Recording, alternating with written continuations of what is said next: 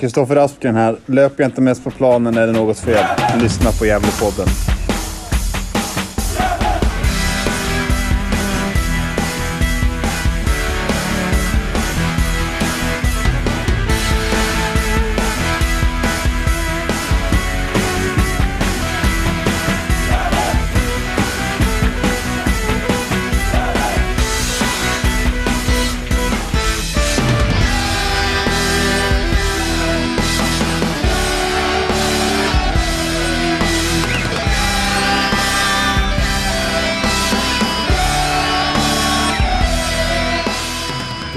Hälsar jag er varmt välkomna till ett nytt avsnitt av Gärdepodden. Och denna vecka är det jag, Niklas och Johan som är med er. Isak behöver plugga. Eller så använder den som en anledning att slippa prata om den här bedrövliga matchen mot Gais. Men hur är läget med dig, Johan Orsen?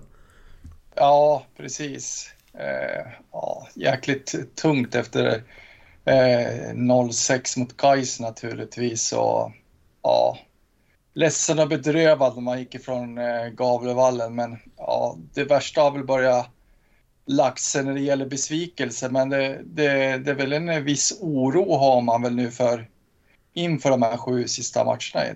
Tycker jag i alla fall. Jag vet inte vad du säger Niklas. Mm. Mm. Ja, lite kanske. Jag tror inte jag är lika orolig som du är. Men, men vi kommer väl in på det. Men vi har ett eh, gediget eh, schema idag. Vill du förklara för oss hur planen är? Hur vi ska lägga upp det här avsnittet? Ja, men jag kan väl försöka. Eh, vi ska väl i alla fall börja med att eh, lyssna på en intervju som jag gjorde med eh, Andreas Dahlén som är sportchef i Gävle. Och eh, sen ska vi försöka prata eh, ner oss, eller prata ihop den här bedrövliga matchen i helgen då, mot Gais. Och eh, sen så stundar ju ganska snart en match mot GIF Sundsvall här i veckan så att eh, eh, finns en hel del att prata om och så kommer vi väl också in på Rafael Yorks skada antar jag och försöka, försöka analysera den betydelsen också. Mm. Och så ska vi prata upp ÖIS också.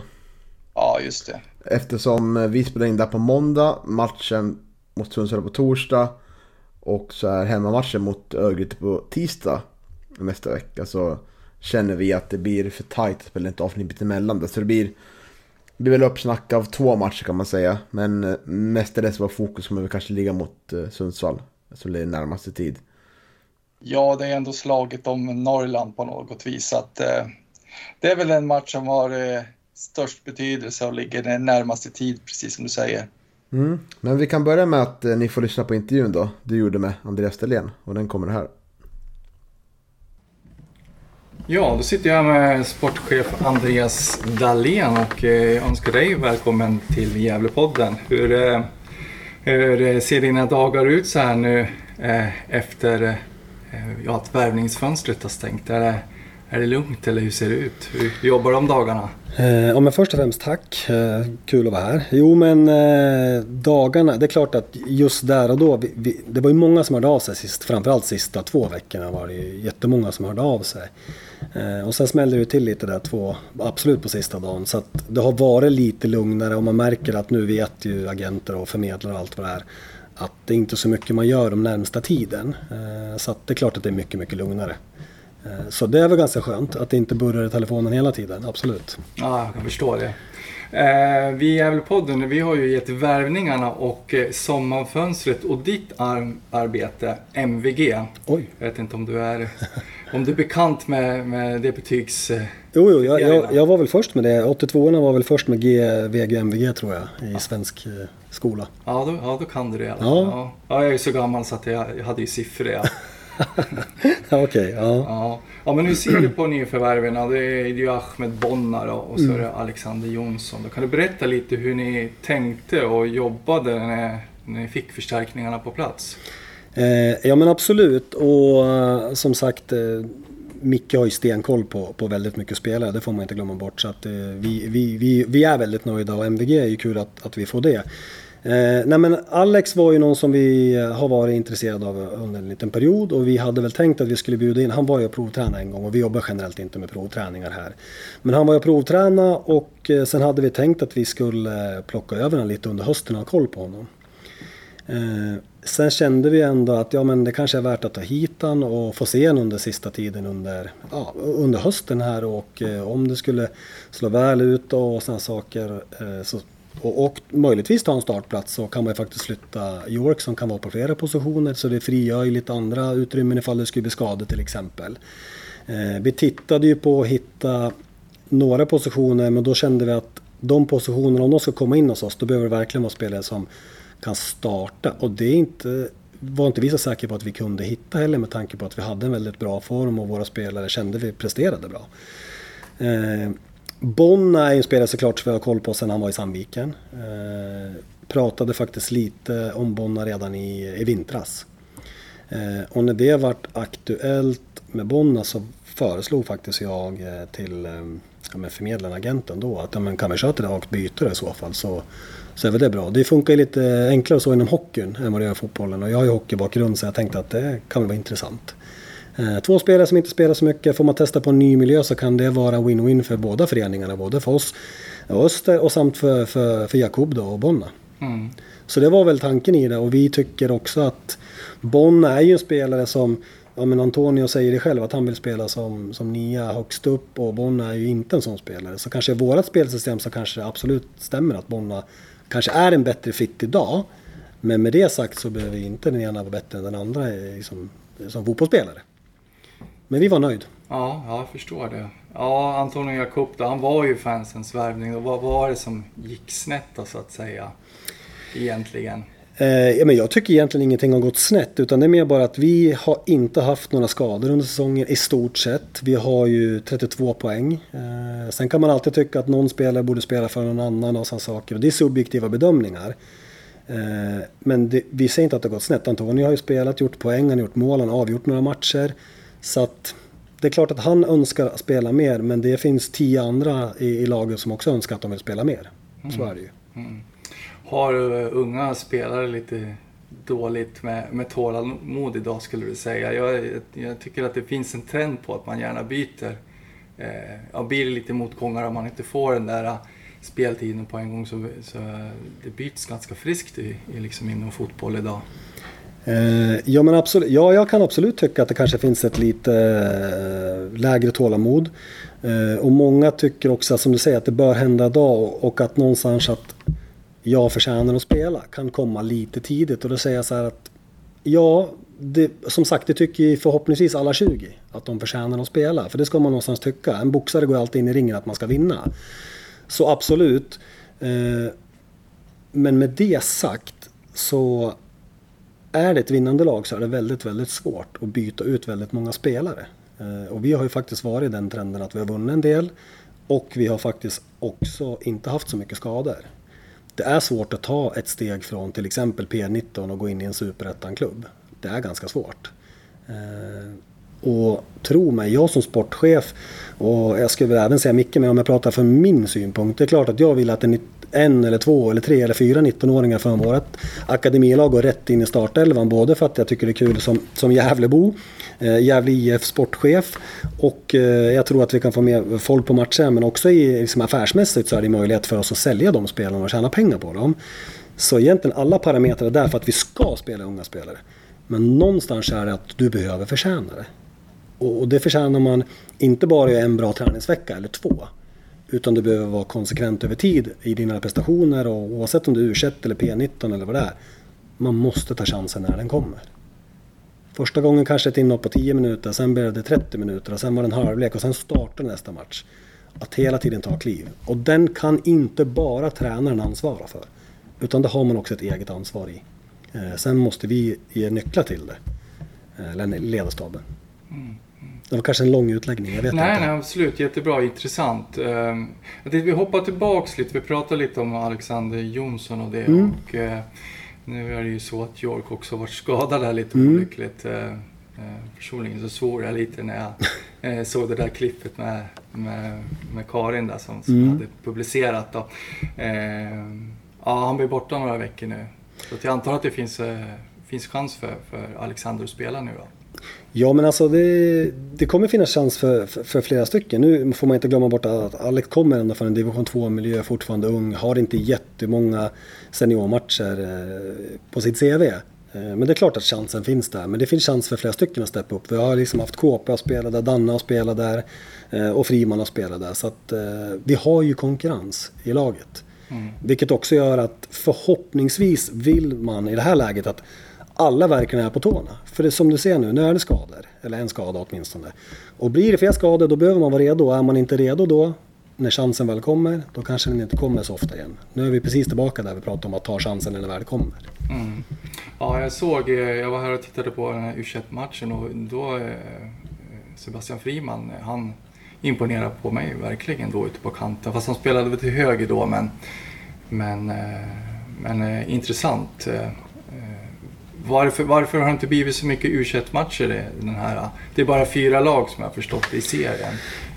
Ja, och det här är, vi pratade om det här på sportchefsträffen här förra veckan och det är ett problem att det är så pass lite u matcher. Vi hade ju för sig ingen miljö förra året för de som satt på sidan. Men det är ett problem och man har ju delat in det i regioner så att det ska bli närmare att åka. Eh, så det blir kortare resor vilket gör att förhoppningsvis spela då klubbarna som är med med bättre lag än vad det har varit tillfälle. Om man behöver åka 60 mil så brukar man ofta skicka ett P19-lag. Mm. Eh, men med det sagt så är det för lite matcher och det var ett problem som lyftes på sportchefsträffen. Och det var både allsvenskan och superettan som var där.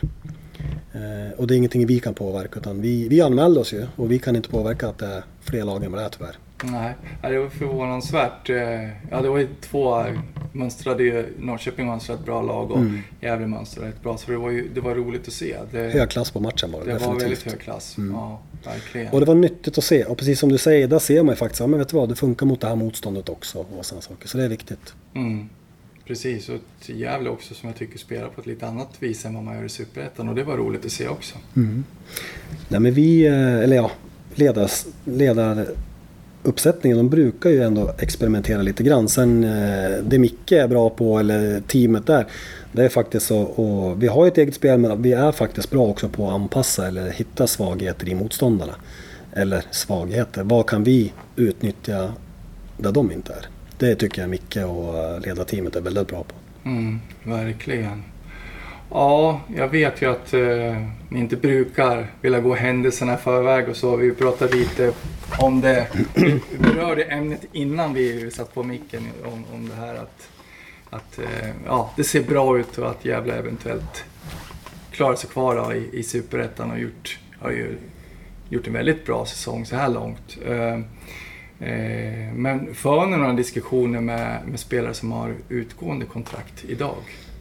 Ja, jag skulle säga att vi gör det. Eh, inte med alla har vi inte gjort det än. Och egentligen så är det så här, det kommer komma folk både utifrån och internt allt möjligt som alltid tycker att saker och ting går långsamt och varför har man inte gjort det här och så har det varit alla år. Och så har det varit alla år när jag spelar också för alla vill ju veta, alla oroar för sitt eget oavsett om det är agenter eller spelare eller internt och sådana saker. Så det kommer ju komma. Men med det sagt så tycker jag att vi har en ganska bra grund inför nästa år. Eh, om det är så att vi hänger kvar i Superettan eller om vi till och med skulle gå upp i Allsvenskan, då, det finns ju faktiskt den möjligheten också. Men hur den är, så behöver vi faktiskt, vilket vi redan idag ändå har hyfsad koll på vad vi faktiskt tycker och tänker och vad vi vill. Men så behöver man faktiskt eh, sätta sig ner igen och också titta vad finns det för någonting och, och sådana saker för, för säkerhets skull. För det kan ju fortfarande hända att det är någon som försvinner som, som vi tänkte att vi skulle ha kvar också. Eh, även fast vi har ju ganska bra koll på intresse och sådana saker. Mm. Ja, så det förs eh, diskussioner. Eh, jag tänker kanske, kanske främst på Oskar Lundin och, och, Kevin Persson som är ändå ganska framträdande. Eh, har varit väldigt framträdande under den här eh, säsongen. Då. Vi, vi, presenterade lite siffror på, på Oskar Lundin här under under, eh, ja, ja, för något avsnitt sen i Gävlepodden då. Mm. Och eh, ja, det känns nästan som att eh, Oskar behöver vara på plan för att, för att, att ni ska lyckas vinna matcher. Mm.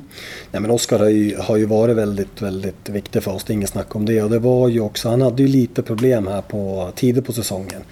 Och det var också någonting vi tänkte på inför sommarfönstret. Eh, är det en position ifall, vad händer om Oskar går sönder till exempel? Är det en position vi behöver förstärka? Det hade vi velat vara, om jag ska vara helt uppriktig, vi hade det som en nyckelposition att titta på. Men vi tyckte också att vi kan inte bara ta hit någon som vi inte riktigt är säker på om den faktiskt kommer vara en startspelare.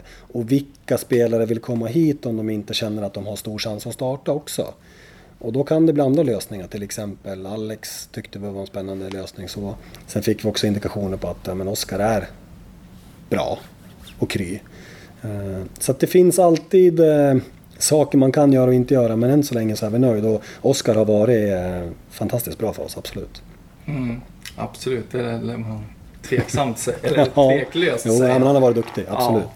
Ja, ja exakt. Och det kanske finns en motivation för honom att vara kvar också med tanke på att eh, på Anton har väl ett, ett eh, kontrakt över nästa säsong också. Absolut. Ja.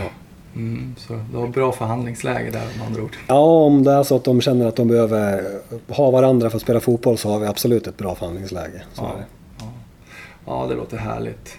Du, jag tänkte på damlaget då. Hur pass involverad är du där? Eller är det Marcus Larsson som sköter allt? Nej men jag är lite grann, men det är klart att Mackan är ju eh, den som driver och sköter eh, damlaget mest. Och han är ju otroligt driven och har, har så otroligt bra koll också på vad som finns i distriktet och precis utanför distriktet. Så där är han en jättebra person att ha för det.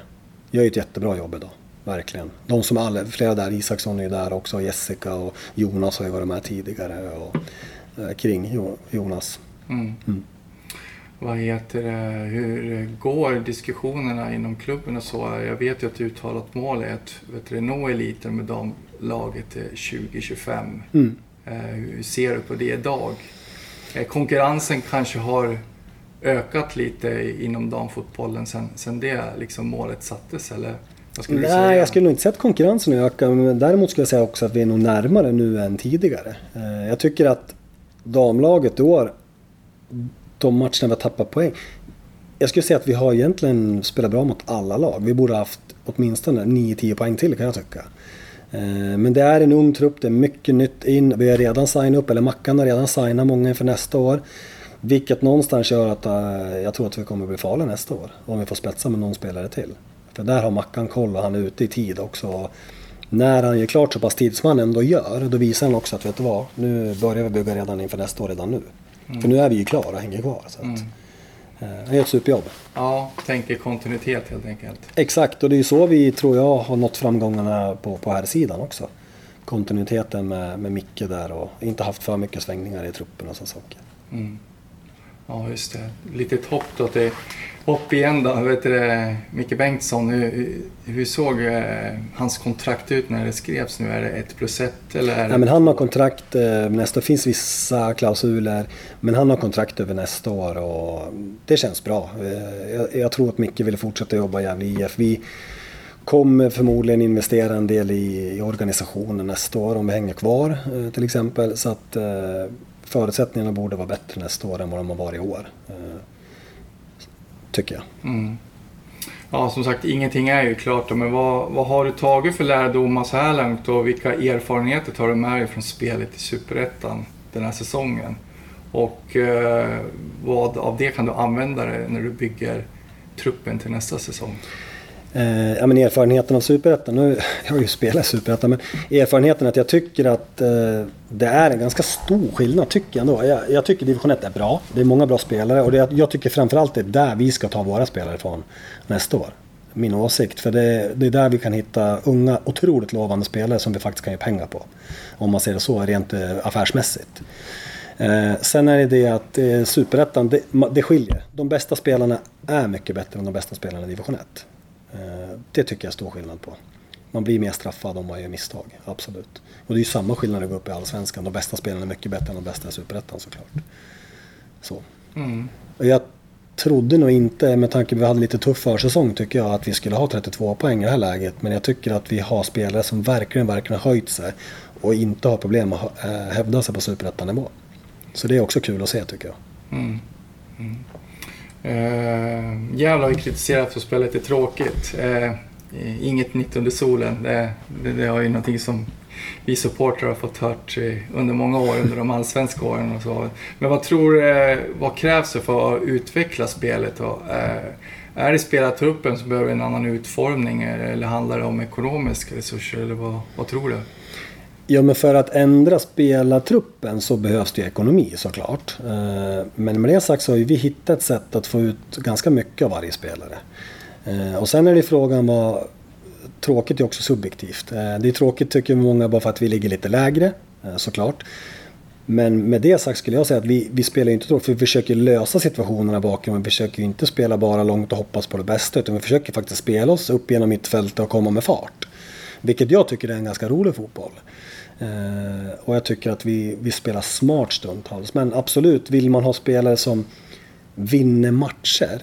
Eh, det vill ju alla klubbar ha. Men, men de kostar ju otroligt mycket de spelarna. Och de är inte så många, det finns inte så många heller. Det är inte många superettan tycker jag som har spelare som vinner matcher på helt egen hand heller.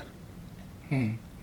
Vi ser det. Ja, du sa ju det tidigare att ni, ni kanske främst kommer att titta på vad andra spelare i Superettan eh, till nästa säsong om det ska förstärkas och så. Nej, no, det skulle jag inte säga. Jag säger så här, det finns spelare i Superettan som är aktuella, det är inte det. Mm. Men om, om vi, det finns jättemycket bra spelare i division 1 också. Mm. Det får man inte glömma, till och med division 2. Eh, och de spelarna, om man hittar en ung, ung spelare, för det är jättemånga idag som är i division 1 som är 19-20, som kommer att spela allsvenskan om två, tre år. Och det är de spelarna man gärna hittar, för de spelarna kan man både förädla och de kan ha en fin karriär nästa år och förhoppningsvis skulle vi kunna sälja dem år två. Om vi inte går upp då. Och då får man nya pengar att investera i nya, nya spelarorganisationer. Så det, det, ser ju lite ut så idag när man... Eh, för att kunna bygga lite kapital så behöver man faktiskt sälja spelare. Och det var ju... Vi har ju ändå sålt några på slutet men det är ju inga stora affärer som det var i Allsvenskan när vi sålde Makondele och och Oremo och sådana saker. Vilket faktiskt gör att man kan investera under ett par år. Mm. Det skulle man behöva hitta tillbaka till. Och då, det är lättare att sälja en duktig 19-20-åring såklart än en som är 24. Så är det. Mm, mm, jag förstår. Ja, eh, ska vi börja runda av den här intervjun men eh, vet du om vi blickar framåt nu? Det, det är guys nu till... Mm. Ja, väldigt trevlig intervju det gjorde Johan. Vad, något du har tänkt på så här efteråt och ta med dig? Nej, egentligen inte utan det är alltid, ja, det är alltid trevligt att prata med Andreas Dahlén och så och eh, eh, ja, nej men det är väl lite som man är inne på, man är, de har fått ihop det bra i, i år. Det, det, är väl någonting som jag imponeras av ändå. Eh, med tanke på de knappa resurser som man ändå har haft att jobba med så, så tycker jag han och Micke har har ju fått ihop en, en bra grupp och ett bra lag till, till årets superettan tycker jag. Mm, jag tycker också en, en trevlig intervju och summera bra av transferfönster och eh, lite framåt där med, med damlaget också som rullar på. Eh, förlo, för jag fick ju, spelade väl 2-2 i helgen, damerna. Mm, ja, men det stämmer mot, eh, ja vad är det de hette nu igen? Eh, Häfna någonting. Häfnar klubbans eh, där. Ja, just IK det. kanske, eller FK. Ja, eh, ja det vart oavgjort 2-2 i Ja, matchen. det är ju vår, vår andra klubb i den serien kan man säga, Häftraklubben. Vi gillar ju fina namn. Ja, det gör vi. I, i frånvaro av älgarna och lite friska viljor och sånt där så är, så är det ju trevligt. Med mm. lite annorlunda namn. Ja. Jag såg för övrigt damlaget spela cupmatch där mot Umeå IK. Ledde med 2-0 förlorade med 2-3 förra veckan. Så det var lite surt att man tappade det. Det hade ju, en vinst hade betytt att man gick gott till gruppspel då. I Svenska cupen. Mm. Ja, men det var lite surt och ja, det är väl ett damlag som har eh, eh blandat och gett lite under säsongen. Det inte, de har väl inte riktigt hem, hittat den där jämnheten tycker jag utan utan eh, ja, det vill till att de skärper sig till nästa säsong tycker jag för att det är ju någonstans där precis som som eh, vi var inne på i intervjun att eh, det är meningen att man ska ta det här steget mot eliten nästa säsong och ja, mm, undrar jag om man kommer nå dit. Jag vet inte, vad tror du? Det känns som att det är ett väldigt långt steg i nuläget. Jag tycker, det lilla jag har sett av damlag så tycker jag att det, det finns eh, kapacitet men eh, man har inte gjort en så bra höst tycker jag. Man har liksom fallit ihop lite efter förlusten mot Sandviken där. Så det finns mycket att jobba på men vi får väl ta snack med Mackan, tränaren där i damlaget, ganska snart tänker jag. Mm, ja, det vore kul. Och reda ut saker och ting. Det lär vi göra. Se till att det blir en uppsträckning i damlaget. Precis. ja, men ska vi ta det oundvikliga då? Eh, Ja. Det går ju inte att bolla runt det här ämnet att det blev eh, tennissiffror på Gavlevallen i lördags mot Guys 0-6. Vi, är alltså bruten i, i varje, vårt eget servegame då kan man säga, om man talar tennisspråk. Mm, Och eh, det var, verkligen. det var den största hemmaförlusten i seriespel sedan 1945. Ja, det Och det, det, mycket bedrövelse. Ja, det säger väl en del. Men vi kanske ska ta det från början. Vi visste ju på förhand att eh, York Rafael skadad borta. Jag slängde ut en liten omröstning på vår Twitter. Du kanske såg den? Ja, det är ju det. Mm. Jag slängde ut eh, fyra alternativ. Vem som borde spela istället för York. KP var ett alternativ. Eh, Sebastian Friman. Eh, Alexander Jonsson och Dan Eliasson. Jag tror att KP vann tätt före mm, Friman va? Kanske. Ja, det, det kanske var till och med var Jonsson faktiskt. Mm, det var ganska jämnt och tajt. Men det blev i alla fall Sebastian Friman som fick starta det där. Eh, jag fick rapporten innan att eh, Iranera blev skadad på träning. Så ingen Iranera heller. Och sedan tidigare så var jag, York har jag sagt det bara borta, men Anton Din var också borta. Mm.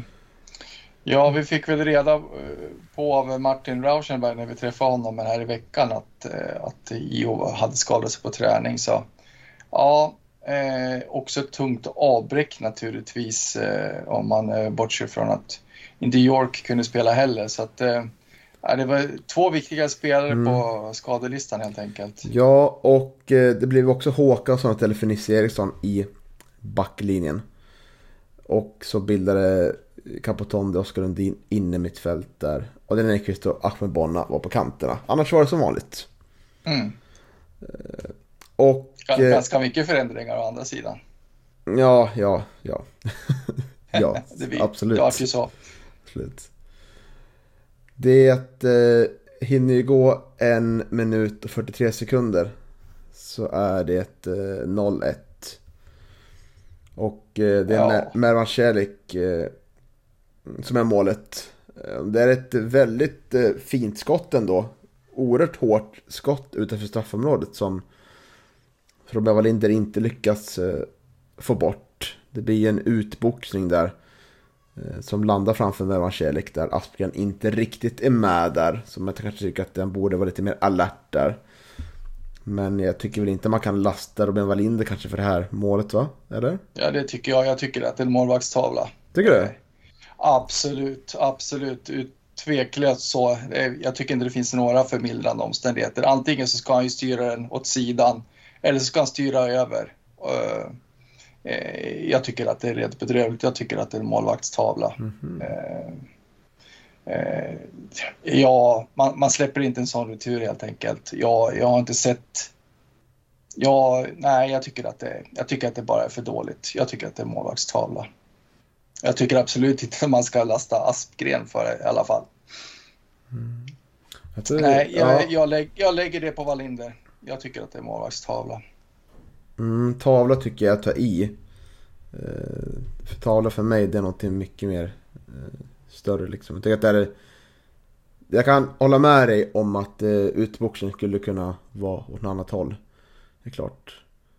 Ja, exakt. Eh, Ja, det är jag tycker det är märkligt målvaktsspel där. Så där, så där släpper man inte retur utan eh, skott på distans. Eh, då, då, den försöker man ju antingen få åt sidorna eller så försöker man ju, styr man den över. Man styr den inte rakt fram. Mm.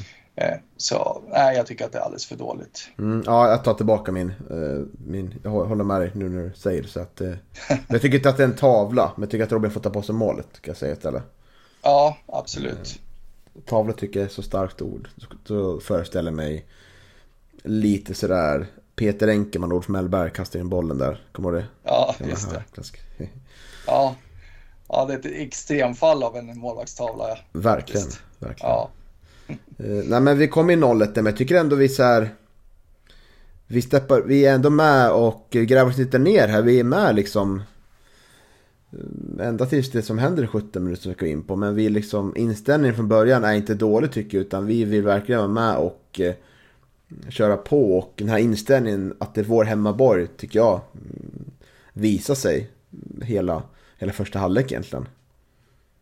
Ja, absolut. Eh, det är inte så att man gräver ner sig efter det där tidiga målet utan eh, man, man försöker ju faktiskt anfalla och har ju även ett par farliga lägen och det som jag tycker var ganska kul det, att se ändå, det var ju att man hittar ju faktiskt in med bollar mellan eh, Gais lagdelar och att eh, Capotondi fångade ju upp boll och, och vände och eh, vände upp vid ett par tillfällen och tog med sig bollen med fart upp på, på Gais planhalva. Eh, och sen så har ju eh, har man ju ett riktigt fint läge också i ett samarbete mellan Adrian Edqvist och Ahmed Bonna där, där, där Bonna skjuter precis utanför stolpen. Jag tror att han väljer fel, fel stolpe i, i, vid, avslutet där, utan han skulle nog ha lagt den på, på den högra stolpen och då hade nog Gävle gjort mål där.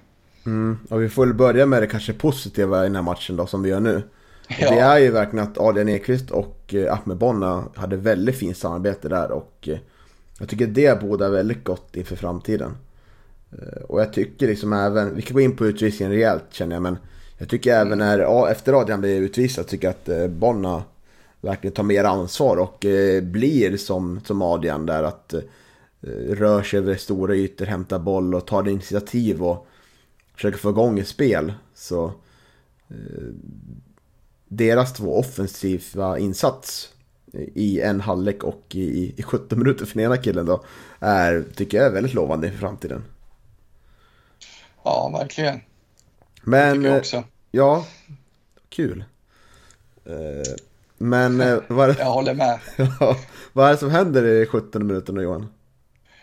Ja, det är ju... Eh, nu, nu tappar jag namnet på Gais-spelarna som jag var så förbannad på i lördags. Men... Jonas Lindberg. Ja, Jonas Lindberg och och Adrian Edqvist, de, de krockar på, på Gävles planhalva till att börja med, vilket resulterar i att eh, Gais-spelaren där ställer sig över Edqvist och börjar gasta och skrika. Eh, och när Adrian reser sig upp så viftar han emot honom.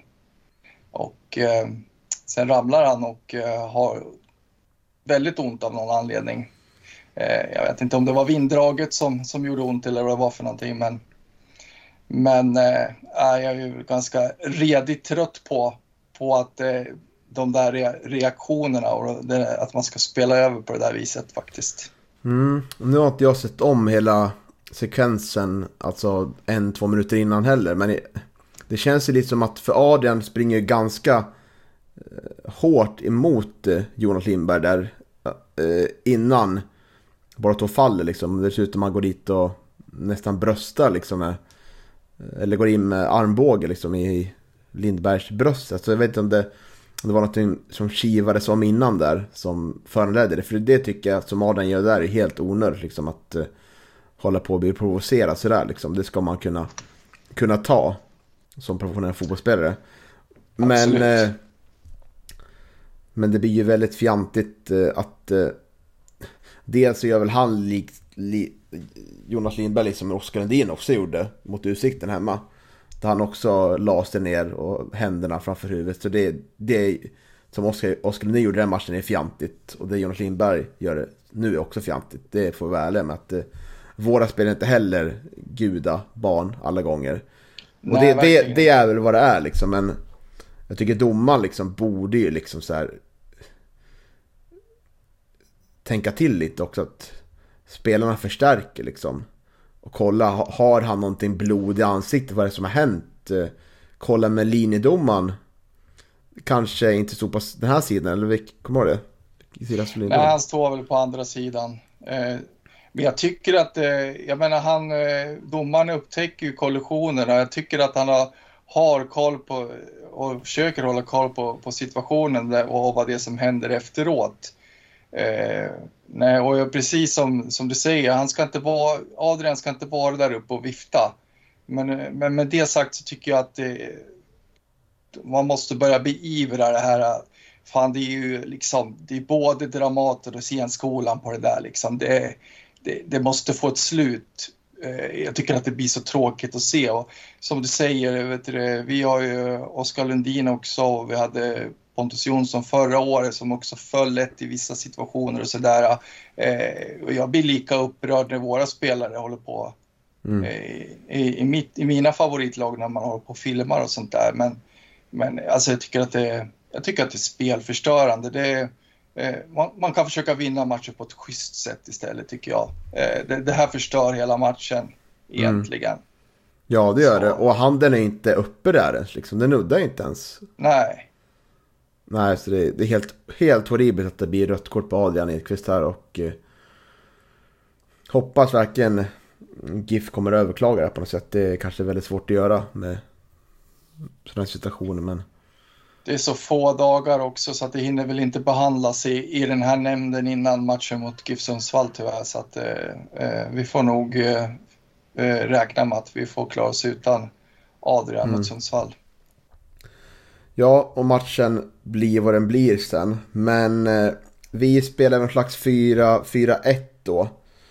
Eh, så det blir väl inte så jättemycket förändringar efter. Jag tror man...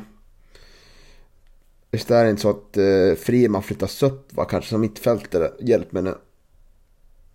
Jo, men det stämmer och sen så spelade ju Kevin då ute på eh, som ytterback va. Så, mm. Mm. Och eh, vi försöker ju, som jag var inne på tidigare, komma med mycket energi och har, har en, del, en del lägen, halvlägen framme. Eh, så vi, vi är ju, gör ju en bra match offensivt fram till att de gör 2-0 37 minuten, tycker jag. Ja. Och eh, det blir att eh, vi blir ju straffade också att vi försöker ju verkligen nästan hela matchen Eh, spela för att vinna och ta poäng. Och då blir vi straffade defensivt. Helt klart. Och... Eh, mm, är det... Försökte vi göra förändringar i halvtid. Där går ju både Friman, Håkansson ut och Hjälte och Nisse Eriksson kommer in där. Ja, exakt. Och det är väl synd att säga att det blir någon förbättring på det viset, men eh, men så här i facit i hand och jag, jag tyckte väl ändå då när jag såg eh, startelvan också så tycker jag att det var, eh, det var fel drag att börja med Håkansson eh, mot ett lag som Gais där man har, det är så mycket snabba spelare där de flyttar bollen väldigt snabbt när de anfaller. Eh, jag tycker att det är ganska tydligt att Håkansson inte riktigt eh, hänger med. Eh, han, han har sina fördelar men, men de kanske hans styrka kanske inte riktigt eh, eh, kommer till sin rätt i, i en match mot, eh, mot Gais. Jag det... tycker att man skulle ha startat med Nisse istället. Mm, det känns som att man kanske ville åt att eh, plocka bort Alexander Ahl Holmström i Gais Med att få in Niklas Håkansson. Men jag håller med dig. Jag tycker att eh, vi har berömt Nisse Eriksson väldigt mycket. Och eh, jag tycker att han borde startat här. Lätt att säga om första hand men Tyckte ju så före matchen också och... Eh, ja, Frima gör väl inte heller en av sina bästa insatser på, på kanterna heller. Nej, precis. Eh, och det, han, hans styrka sitter ju inte liksom i defensiva jobbet heller så att... Eh, eh nej, det, det... Nu vart det ju som det vart. Hade Adrian kanske varit kvar på plan så kanske vi har fått en helt annan matchbild så att... Eh, ja, nej, det är svårt. Det... Och Micke har inte så många valmöjligheter heller. Så är det ju. Nej. Men det negativa då? Det är ganska mycket här. Det är, det är, jag tycker att inställningen i andra halvlek är någonting vi inte varit vana att se i det här laget. Eh, utan eh, vi har berömt att man alltid varit nära att ta poäng. Man har alltid kämpat. Eh, man har hållit tätt där bak och man har Eh, vara effektiva framåt och, ja, och så vidare. Men nu kändes det som att Gais gjorde lite mål på, på var som helst. Och, 5-0 målet där Oskar Lundin håller på att drälla med bollen. Det blir, det blir bara pinsamt liksom.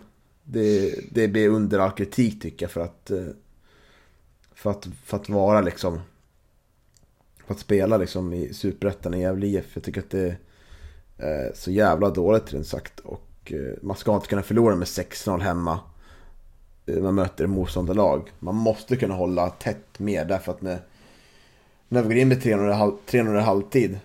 Då bör inställningen vara att nu ska vi spela tätt här och, och eh, försöka gå lite framåt såklart. Men vi ska inte riskera allt för det liksom. För att det är ett väldigt bra lag vi möter. Och vi kanske går för mycket för det.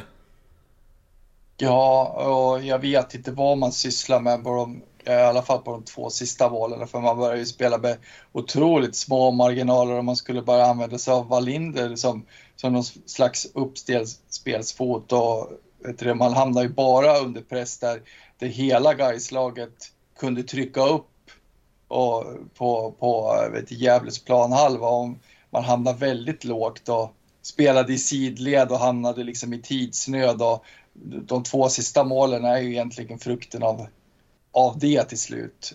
Och nej, jag vet inte varför man, varför man börjar liksom spela kortpassningsspel i eget straffområde. Liksom det, det var väl kanske någon slags uppgivenhet och eh, ja, ett tecken på att man, att man bara ville att tiden skulle gå kanske. Att det skulle bli 90 minuter så fort som möjligt, jag vet inte. Mm. Eh, Men jag, jag tänkte på det också, vad är din syn på straffsituationen? För, för eh, både på eh, live och på, eh, på reprisbilderna så tycker jag ju att Wallinder är först på bollen. Mm. Men det är tyvärr, tyvärr sådana situationer så är det så här, åtta gånger av tio så kommer domaren blåsa straff. Ja, Det, och framförallt den här domaren kändes det som. ja, jo så är det ju. Så, eh, men visst är det bolltapp innan vad som gör att vi sätter oss i situationen va? Jo, det är ju så. Det, men ändå. Ja. Det, Ja, jag tror att det är en dålig hemåtpass va, som, som egentligen Gais-spelaren hugger på om jag inte minns fel. Någonting sånt. Eh, och, eh, men ändå. Eh, jag tycker att jag tycker linjedomaren som ändå står där borde ju se att Wallinder är först på bollen. Så har man den kommunikationen. Nu, nu känns det som att eh, Gävlespelarna försöker kommunicera med, med linjedomaren men det, det får man ju inte göra utan huvuddomaren är där och tar bort Gävlespelarna. Sen har han ju ingen dialog med, med, med linjedomaren själv utan han har ju bestämt sig för att det är straff. Mm. Liksom. Och det, det är också väldigt märkligt. Eh, det, det är surt på, alltså det kommer precis en halvtid och då går, går ju verkligen luften ur vårt lag. ja, Man känner ju ändå så här med 0-2 en man mindre, för vi är liksom vi är halvt det här ändå, kände jag. Det var en konstig känsla men vi kom ju fram och i offensivt straffområde, ut på kanterna med Asken där framförallt. Och vi kändes inte helt eh, ute i matchen.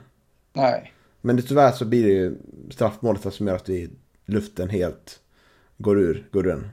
Mm. Ja, precis. Eh, det var inte bara Gävle som var dålig på planet. Jag tycker nog att domaren inte hade sin bästa dag på arbetet heller faktiskt. Nej, verkligen. Nej.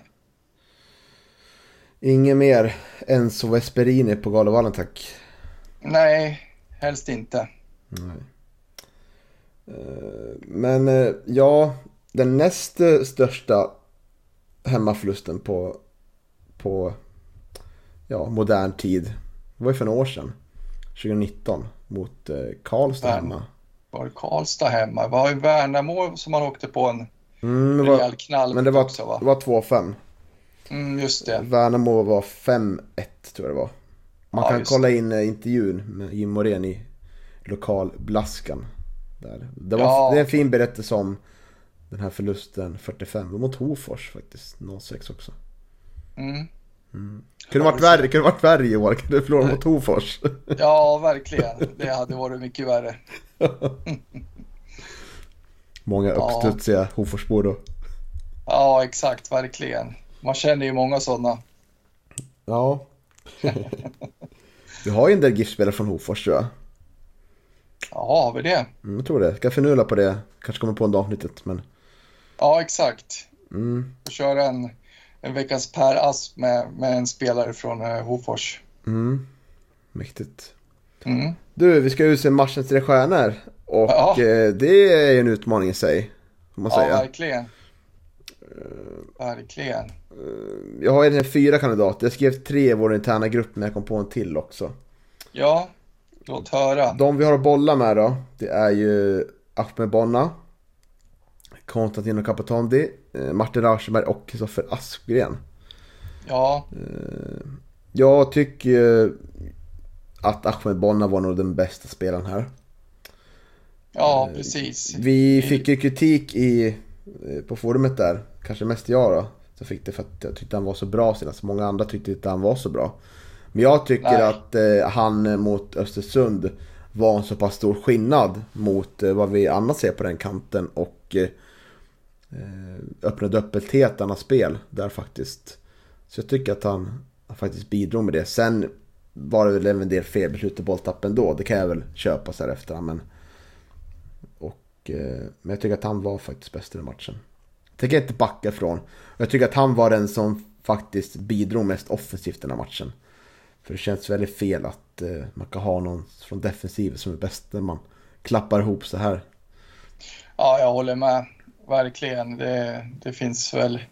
Det skulle väl vara ganska magstarkt att plocka någon av eh, någon från backlinjen till och när, när man har förlorat med 6-0. Mm. Så är det. Sen funderar jag på de andra tre, vilka, vem som ska bort där. Ja, Vad tycker du?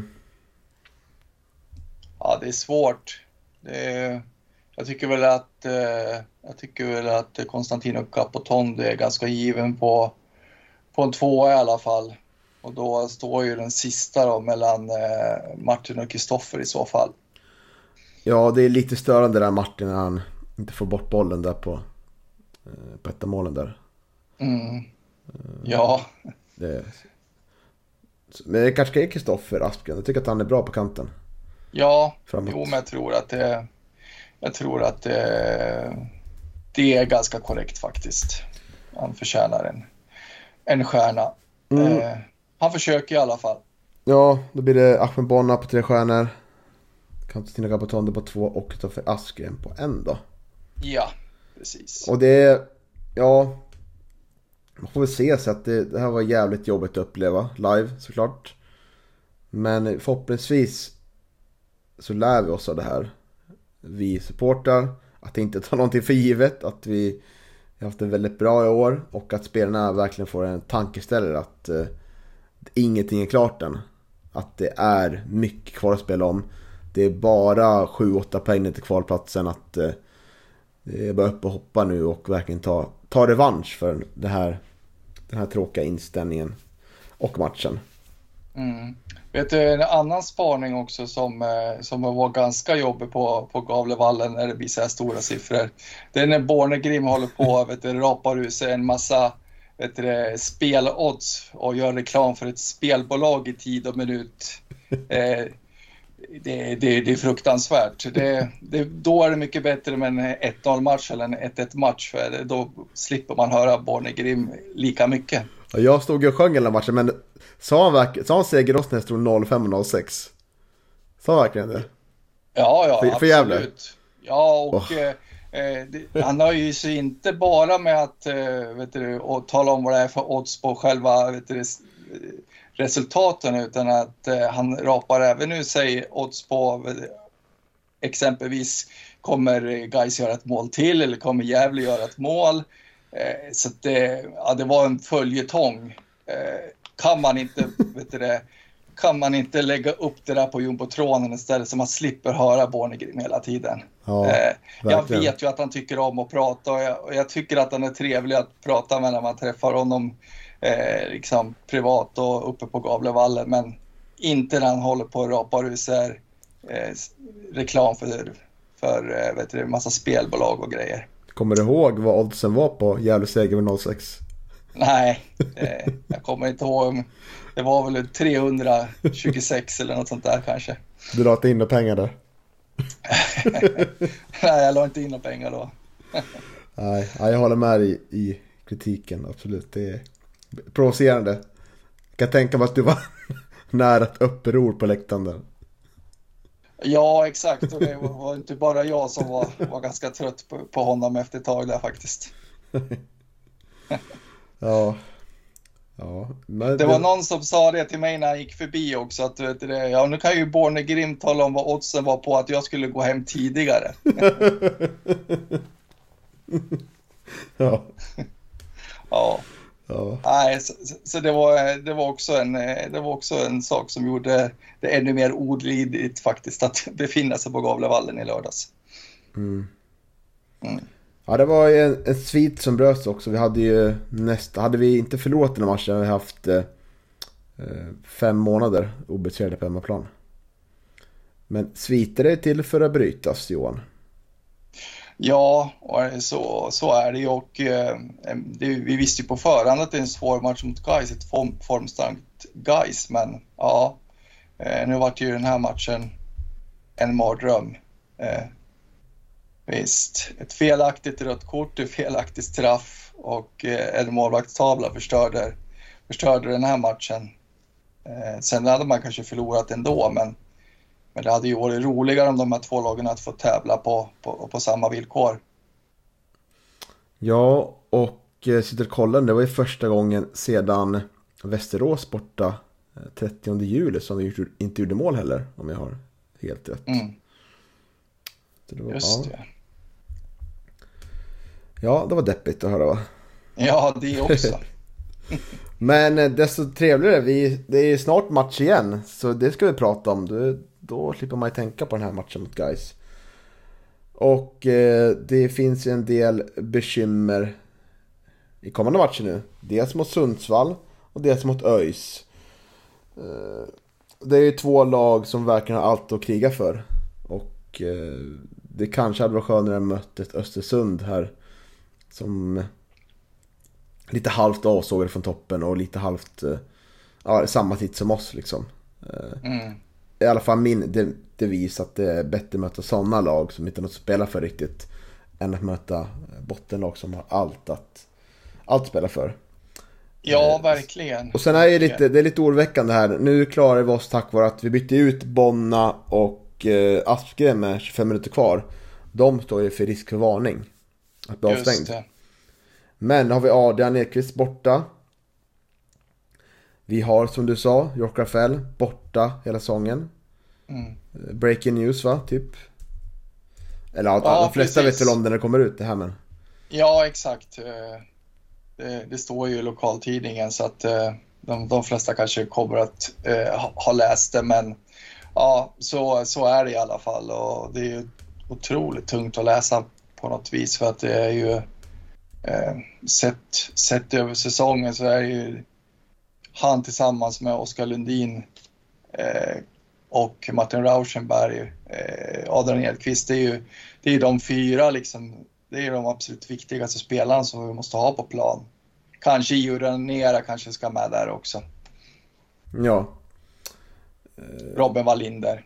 Ja men, ja, men det är en otroligt eh, viktig kugge som försvinner. Eh, så det, det känns tungt. Mm, Och precis som du säger, både, både Sundsvall och ÖIS, det är två lag som krigar för sin existens där nere i botten och det är ju alltid alltså, eh, svårt att möta sådana lag. Fråga bara Östersund som mötte, som, eh, mötte Skövde här nu då. Eh, och eh, åkte på en rejäl mina de också borta mot Skövde. Ja, och eh, Iron ner har en ljumskada här då. Och eh, de trodde att det skulle vara en vecka från början. Men det kommer bli lite längre Mm. så, säger ju själv. Eh, Men Anton Lundin ska kunna gå för fullt på tisdagens träning. Så Anton är nog tillbaka. Och så är det faktiskt, lyssna på det här. Fem spelare som blir avstängda vid nästa gula kort. Martin Rauschenberg, och det sa ju faktiskt några. Medan jag läste va? Ja, jo precis. Nej men eh, kör de här fem för eh, ja det är intressant. Det var som du sa, vet du, Ahmed Bonna och Kristoffer Aspgren. Så var det tre till då alltså. Robin Wallinder, KP och Martin Rauschenberg. Ja, exakt. Eh, så eh, Martin får verkligen hålla sig skinnet för honom måste vi ha på plan eh, här framöver. Mm, verkligen. Men nu måste vi verkligen tänka till kring vänsterbackspositionen.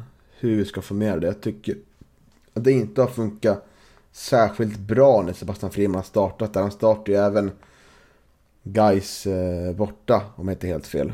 Och där var han också utbytt i paus. Eh, så frågan är om det verkligen är så pass, om det gynnar vårt spel att eh, spela Friman där för att man vill använda lite mer fart och flärd framåt. Men det blir inte så mycket så utan det blir snarare det blir jobbigt defensivt. Och eh, så jag skulle vilja räkna ut honom i ekvationen mot eh, Sundsvall i alla fall. Eh, Ja, och då Ja. har vi liksom... Då är det ju Alexander Jonsson som jag inte tror riktigt är i det matchtempot. Det skiljer faktiskt två divisioner så han tror jag är ganska långt bak. Och då står det väl mellan Daniel Eliasson och Kevin Persson. Ja. Eller, eller tror du att, man, att det är värt att skola om någon där? Nej, det, det skulle jag inte vilja säga utan eh, eh, ja. Men varför inte börja med, med Kevin? Liksom för att få till den här eh, defensiva balansen ändå. Eh, så får man försöka lösa det på något annat vis att, att är andra spelare som följer med upp. Kanske. Och skulle det vara så att man behöver, eh, behöver liksom få in lite mer offensiv kraft på, på vänsterkanten i, låt oss säga, sista halvtimmen eller så, då kanske man ska prova med Jonsson ändå. För eh, enda sättet för honom att komma in i, i superettan-tempo, det är ju faktiskt att spela i superettan. Och eh, det är inte så många matcher i, i den här U21-serien för honom och, så, så att eh, man kan matcha honom och få igång honom i, i ett högre tempo utan eh, man måste ju försöka börja ge honom chansen att eh, spela i, i superettan. Så Mm. det, är väl, eh, det är väl den eh, medicinen som jag eh, eh, förespråkar i så fall. Mm. Eller den taktiken då, Mm, och så vill vi, läget. Ja. då vill vi ha in Nisse också istället för Håkansson va? ja, det vill vi ha. Ja. Eh, och vi får väl anta att det blir Capotondi och eh, Oskar Lundin på centrala mittfältet. Eh, och att Bonna spelar på andra, ena kanten. Sen har vi en öppen plats där. Och Ja. eh, den torde ju stå mellan Jakob Hjälte och Anton Lundin va? Mm, det borde det ju göra. Och eh, ja, med eh, i rådande matchform och eh, det vi har faktiskt sett av Hjälte här på, på slutet så känns det ju, förespråkar jag i så fall att han startar. Eh, det, det gör jag. Mm. Eh, An, Anton som sagt går för fullt i, på träningen i, imorgon då, tisdag. Och det är inte så många matcher fram till, eller så många vet du, dagar fram till den här matchen mot eh, Sundsvall och då, då behöver vi nog ha en spelare som är mer igång och, och som inte varit skadad eh, från start. Mm. Ja, och Micke har ju aviserat där i tidningen att han, det är inte aktuellt med något formationsbyte. Så, eh, en liten en joker som jag inte tror är särskilt troligt är att, eh, att han får ut Capotondi på en kant och istället tar in Eliasson eller Oskar Karlsson centralt. Men jag tror inte det är särskilt aktuellt i detta läge. Nej, inte med tanke på hur man ställde upp mot eh, Gais heller och i, i Uraneras eh, liksom när han var borta då, så att utan man, man startar ju faktiskt med Capotondi centralt och det tror jag att man fortsätter med mot Sundsvall också. Mm. Men Adrian kommer vara saknad. Och eh, Io kommer också bli saknad i matchen. Det är ju två nyckelspelare så det blir, och York då såklart. Så det blir, det blir en utmaning där mot Sundsvall borta. Och eh, de har ju, ligger den där botten Sundsvall? Vet du var de ligger för Ja. plats? Eh, nej, inte riktigt det, men de är ju där nere och liksom krigar kring den här kvalplatsen. Eh, och eh, ja, det, är som vi... Förlåt, vad sa du? man ligger faktiskt 12 Mm, En poäng före AFC Eskilstuna som har på kvalplatsen. ja, precis. Och Har det vill ju naturligtvis Sundsvall und- undvika så att eh, det, det, det kommer bli, bli hårt. Det kommer bli en hård match eh, här. Ja. Mm. Mm. Eh, har ändå sett, uh, jag har inte sett så mycket Sundsvall på senaste tiden ska jag vara ärlig. Men de är faktiskt, de har fyra raka hemmamatcher utan förlust. Mm. Så det är som alla andra lagen nästan nästan, tar ju sina pengar på hemmaplan. förlorade mot 2-0 mot Västerås senast, vilket inte är fy skam. Vann ni senaste matchen mot Utsikten hemma med 1-0? Ja, precis. Eh, ett eh, Utsikten som i och för sig verkar ha en en nedåtgående trend verkligen. Eh, jag såg eh, vet du, Sundsvalls match mot Helsingborg och då, eh, då var ingen av lagen bra egentligen. Eh, men som sagt, det var ju Sundsvall på bortaplan också, precis som du säger. Då, så är man, ja, man är obesegrade hemma de fyra sista, senaste här, så att det skvallrar ju om att det blir tufft. Mm. Jag såg, jag har sett att Sundsvall har sett i början av säsongen och även det jag har hört om att det är att det inte är något riktigt eh, bra etablerat spel än utan att det varit mycket på mycket kvalitet där framme liksom. Som har gjort att man har tagit poängen och sånt. Och därför tycker jag att, eh, att eh, vi ska gå ut och vinna sådana här matcher. Och nu är det bara upp och upp på hästen igen och studsa tillbaka. För jag tycker att vi har efter svaga matcher som vi haft i år så har vi varit bra matchen efter. Nu är det lite annorlunda för nu har vi varit en dålig match på hemmaplan. Så det kanske inte betyder mm. någonting men det är ju det är mycket nerv i den här matchen också. Det är mycket prestige. Det är ju Bengtsson-kampen där, son mot far och eh, det är många som har förflutet eh, kring kring Sundsvallsregionen får man säga. Ja, och, men, men som sagt det blir ju tufft eh, för när man betänker att vi får klara oss utan Edqvist, York, Ranera. Det är tre, tre givna startspelare i, i vanliga fall. Eh, och eh, ja. Men du, du, jag tror att vår största segerchansen då är mot ÖIS hemma. Det tror jag också. Eh, men det... Men jag tycker, men jag tycker att vi, vi har bra segerchanser i båda matcherna tycker jag ändå. Det har vi. Eh, det skulle ju vara skönt om man tog eh, poäng i Sundsvall i alla fall. Eh, för det skulle, eh, det skulle väl ge lite mer arbetsro om man inte förlorar tre utan man ändå vinner en poäng borta mot Sundsvall. Så att, eh, ja, det är viktigt att man hittar tillbaks till till det här fina försvarsspelet som ändå varit nyckeln den här säsongen skulle jag vilja säga. Mm, verkligen. Och sen har vi alltså på tisdagen då, eh, knappt eh, blir det fem dagar efter Sundsvallsmatchen, så är det Örgryte hemma. Mm. Och eh, ja, det är väldigt svårt att spekulera kring startelva där. Eftersom dels matchen mot Sundsvall inte varit. Så vi har inga prestationer att gå på. Dels är det fem spelare som kan bli avstängda så jag tycker vi låter det vara lite. Ja, ja det blir svårt att spekulera i. Det, det är väl... Man kan väl bara lätt konstatera att det, det är också en viktig match. Eh, viktigt att studsa tillbaka på hemmaplan också efter den här hemska matchen mot Gais och eh, visa hemmapubliken att, att liksom det här, det här var en engångsföreteelse och eh, nu kommer vi liksom, vi kommer inte vika ner oss på, på, på Gavlevallen på, på det här sättet eh, flera gånger. Nej, och Örgryte ligger ännu risigare till än, än Sundsvall. Man ligger faktiskt på en nedflyttningsplats. Ja. Uh, har samma dag som vi mötte Sundsvall ett uh, derby mot Gais. Och... Uh, ja. Mm. Det, ja, vi har, vi har inget derby, vi har också rivalmöte får man säga. Eller man brukar uttrycka det så. Det kan vara intressant att se vilka av två lagen som kan ladda om på bäst sätt.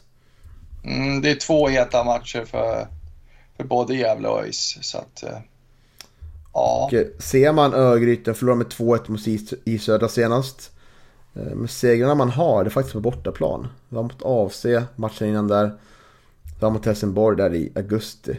Eh, så det talar för att det, det kan också bli en liten tuff nöt att knäcka. Men jag tycker ändå att vårt fina spel på hemmaplan kommer upp i de nivåerna så ska vi kunna vinna. Ja, det, det, borde vi kunna göra. Det borde vi faktiskt kunna räkna med förhoppningsvis. så, eh, så ja, Edqvist är ju i alla fall tillbaka eh, till den matchen. Och han kommer ju naturligtvis vara sugen och revanschsugen. Och, eh, eh, ja, efter den här utvisningen. Då. Han var ju ångerfull också så att Eh, eh det kommer att vara en väldigt spelsugen Adrian Edqvist mot ÖIS. Mm. Så det kan vara så här Johan att om en vecka när vi spelar in nästa avsnitt så kan vi faktiskt hitta en väldigt bra sits att spela Allsvenskan 2024. Eller så spel, ligger vi i en ännu jättedålig sits efter två förluster, eller en poäng. Ja, exakt.